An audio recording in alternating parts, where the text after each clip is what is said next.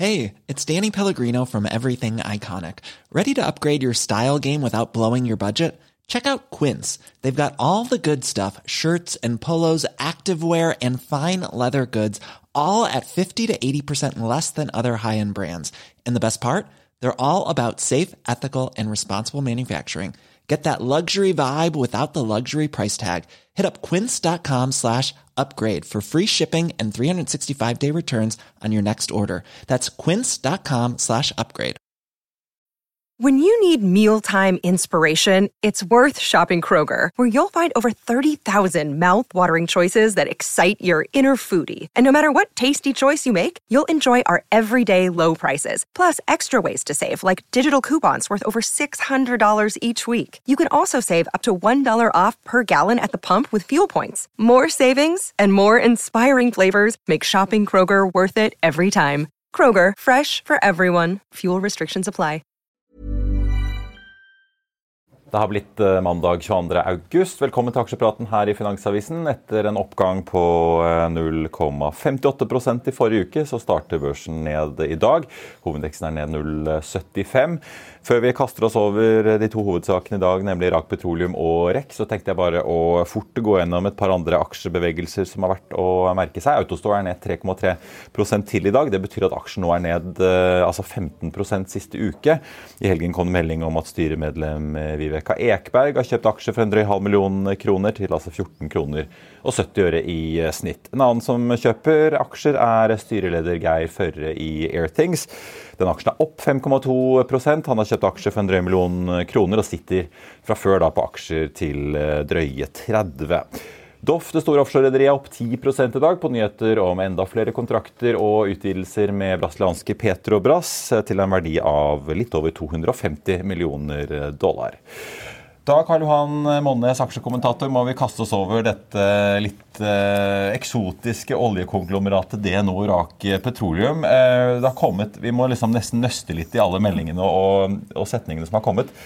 DNO, som mange kjenner, er jo nå igjen på plass på norsk sokkel, men de er jo kanskje mest kjent for å drive i Jemen, eh, britisk sokkel, og ikke minst i eh, Kurdistan. De har en stor eier som heter Rak Petroleum, som også er børsnotert på Oslo Børs. Men eh, de vil av eh, børs og sende alle aksjene sine, drysse de over DNO-aksjonærene, ikke sant? Ja, eh, Det viktigste å ta ut fra dette er at eh, nå spratt kursen i Irak opp med 60% til 20 kroner 80 øre. Og de mener at verdien er 25 kroner 80 øre. Så Eh, det er jo fortsatt en stor rabatt, men dette er to selskaper som aldri egentlig har fått handlet til de verdiene de burde handle til. Og det er aksjer som eh, blir mest handlet i Norge av nordmenn, og det var jo eh, ganske vilt rundt 2004, 2005, 2006 og 2007. Da, da var det villest. Og det har jo roa seg litt ned, da, må man jo si, og fokusere på andre aksjer. Og Det er jo derfor de sannsynligvis løser opp dette, her, at de ser at den strukturen fungerer ikke, og at vi girer opp for en litt sånn ny aggressiv framtid med investeringer til de slår sammen selskaper. Ja, Det skal være en uh, ekstraordinær generalforsamling 21.9. I dag er jo Rak Petroleum 44,94% av DNO. Uh, gitt da at de nå får både kontantene og aksjene som de, de er i DNO, så ender de opp med en 53 uh, og det inkluderer Eh, litt nye aksjer som DNO skal hoste opp. For de kjøper jo da dette Mondoil, som eh, Rak Petroleum eh, sitter på, som igjen eier en tredjedel av noe som heter Foxtrot. Og de driver med olje, altså rett og slett gassutvinning i Elfenbenskysten i Afrika. Så her får vi det nå et nytt virksomhetsområde. Ja. ja. Så det blir nok å ta tak i. Helt hvert fall, eh, Rak-aksjen opp eh, 63% altså til 20 kroner og 80 øre. Det er nå ned 6,5% så langt i dag. Ja. Skal vi kaste oss over rekk, Karl Johan? Ja. Forrige uke så fikk vi jo kvartalsrapporten hvor de begynte å snakke om hva som nå skal skje etter denne Inflation Reduction Act i USA og gjenåpningen potensielt av dette Moses Lake-anlegget på tampen av neste år. I dag har det kommet en melding om at de har inngått en intensjonsavtale med noe som heter Mississippi Silicon, eller oversatt på godt norsk Silisium, Mississippi Silisium. Ja, det er, eh, det er jo eh, eh, Det ligger i, i, i, Mississippi, opp mot grensen til, til Tennessee. Fire timers biltur fra Whitfield County, hvor han skal ha sitt anlegg. Og det er jo det er klart at det her det er både solar manufacturing, men også, det skal jo også produseres inn til chip manufacturing. Så det er mange ting for Hanva å ta tak i her. Og, og Syd-Korea er jo skvisa mellom Kina og USA, og Hanva er jo et lite selskap oppi dette. her.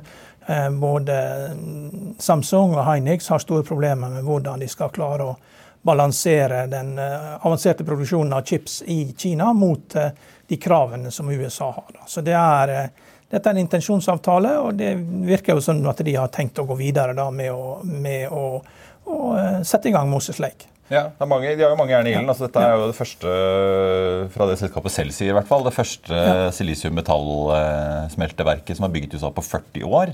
Uh, og De skal da antageligvis levere råstoff inn til Moses Lake. Hvis de blir ja. enige, så får vi jo se. De, de sier ikke noe om uh, eh, verken eh, verdier eller volumer i denne meldingen. Så det er jo noen ting som gjenstår å få klarhet i her. Ja, men det er, men det er klart det er halvlederindustrien. Det er der de store pengene skal investeres. Det er der Hver sånn enhet koster 20 milliarder dollar å bygge. og det er snakk om at det skal bygges helt opp i åtte forskjellige enheter. og Med fordeler for de selskapene som designer i USA. så det er en stor sak. Men, men vi må jo også snakke litt om eh, Rex Solar Norge. Ja, oppi dette her. Den gamle, gamle slektningen til Riksrevisjonen. Ja, ja, og det er klart, eh, Vi har jo sett på regnskapet, og de har jo foretatt en nedskrivning på 1,9 milliard kroner eh, i regnskapene for i fjor. Og, ja, for, så får vi si det, På tampen av Arendalsuken ja. så kom det jo da frem at ja. de eh, var Fedrelandsvennen som var ute og sa ikke bare de skulle permittere, men også potensielt legge ned hele virksomheten da i ja. Kristiansand, ja. hvor de lager solpaneler. solpaneler? Ja.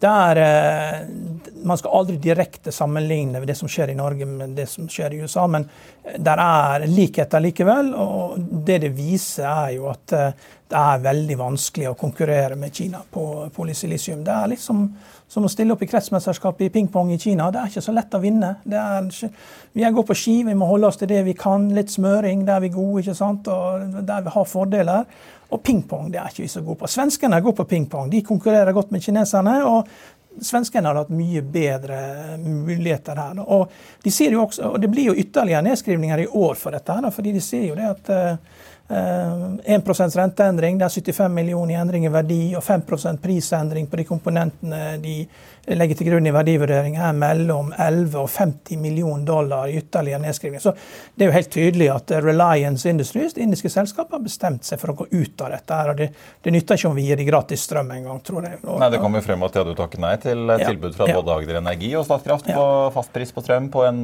pluss-minus 50 øre kilowatten. Mm. Ja, og da, da når du ikke ikke kan klare å drive med gratis strøm. Eller. De har jo selv, de skal bygge en stor verdikjede i, i India, men den verdikjeden mangler jo solpaneler. De skal ha ingots and wafers. Og så skal de produsere grønn hydrogen, og så skal de produsere brenselceller. Så det, det, som, det bildet som tegner seg da, er jo at eh, etter hvert denne industrien vokser, så er polysilisium vil for det meste bli produsert i Kina. Men solcellepanelene ser ut til å også for det meste bli produsert i Sydøst-Asia av kinesisk eide selskaper. At mye, mye, av veksten vil komme der. Og Kina sikrer seg da innflytelse. Altså hvis, hvis, du, hvis, du, går og kjøper et uh, emerging market infrastrukturfond, alle pengene går til kraftverk. Det er kraftverk det går i. Det, mm. fordi at, Hva er det de mangler, uh, landene i, i emerging market? Det er energi. Og dette gir jo Kina politisk innflytelse. Det er kanskje det er vanskelig å oppnå det med, med å, å, å, å liksom låne for mye penger til regjeringen, men det å gi de, gi de tilgang til kraft og, og, solceller, det virker som å være en soft diplomati som fungerer veldig godt. For det, de mangler jo ikke sol eh, i de sydlige landene. Så det, jeg tror man må være veldig realistisk når det gjelder eh, eh Rex Silicon. og, og selv om at det ikke er direkte sammenlignbart med Rexolar, så må man se på de endringene som skjer, skjer der ute. Og, og, Financial Times skriver jo i helgen at uh, kineserne omgår amerikanske uh, tollbarrierer, sanksjoner, på samme måte som vann renner forbi steiner i elver. Mm. Og det er jo, Den store kampen ligger jo i halvlederindustrien, og der er Syd-Korea allerede i en klemme mellom USA og Kina. Og, og, det som skjer innen sol, er veldig lite viktig i forhold til halvlederindustrien. Det er mye mindre, veldig lite viktig. Så, uh, Vi ser jo at byggingen ja, av uh, chipsfabrikker er i gang i USA ja, allerede. Ja. ja. Altså det, og, og, kostnadsøkningen ikke sant, fra 60 millioner til 150 millioner dollar. Det er jo mye. ikke sant? Og, og hvor det tallet... Ja, på gjenåpningen av Moses Ja, og 210 millioner dollar. Hva kommer det tallet fra? ikke sant? Jeg har ikke sett sånn økning på, på, på, kostnadsanslag siden Ocean Rig skulle bygge rigger. Og de begynte med å skulle koste 325 millioner dollar og endte på 825 millioner dollar. Så det jo, dette her er jo ute av kontroll. Og, når du ser hva som skjer da med eh, REC Solar i Norge, så må man være veldig forsiktig med REC Silicon Action. Her, og, det å bruke gjenanskaffelseskost på noe som ikke tjener penger, det går ikke. Det er ikke sant? Det er, hvis du ser på eiendomsmarkedet, det er det samme hvis du skal leie ut hybler i Bergen og Oslo. det er klart Da kan du bruke gjenanskaffelseskost, men det var jo en eiendomsmegler fra Sunnmøre som jobba i et meglerfirma i Bergen som var i Indre Østfold og skulle prissette en skole. da, og Hun trodde den var verdt fem millioner kroner, men det var, verdt, den var gått for én million. Det er fordi at eh, det er ikke alle bygg i Norge som er utleid. Eh, så gjenanskaffelseskost er et veldig viktig begrep å bruke der det er press, press og god lønnsomhet. Mens det begrep som aldri eh, Du kan aldri ta vekk det alternativ kost. Så hva er alternativ kost for Rex Silicon? Hva er alternativ kost for Rex Sola Norge? Jo, det er å hente det billigere fra Kina. Og det virker som at Kina er bestemt på å satse på dette. De skal doble kapasiteten i 2025, skal doble igjen. Og nå Bygge, byg, bygging av hus har jo vært 30% av BNP. og USA holder på å finne ut hva er det vi skal la Kina få lov til å jobbe med. 90% av Apple-produktene kommer jo fra Kina. Det fortsetter jo. Det er USAs største selskap, 2,5 trillion dollar i markedsverdi. Så Kina og USA prøver å finne ut av med hverandre hva er de skal få lov til å holde på med. Og sol er ufarlig. Det er helt ufarlig industri. Blir det krig, så blir det ingen solcellepaneler som blir eh, bygd. Men halvledere, det er viktig. Det er viktig for krig. For det, det, går inn i alt fra ja. biler til uh, missiler? Så det er strategisk ja. viktig, men sol er ikke strategisk viktig. Mm.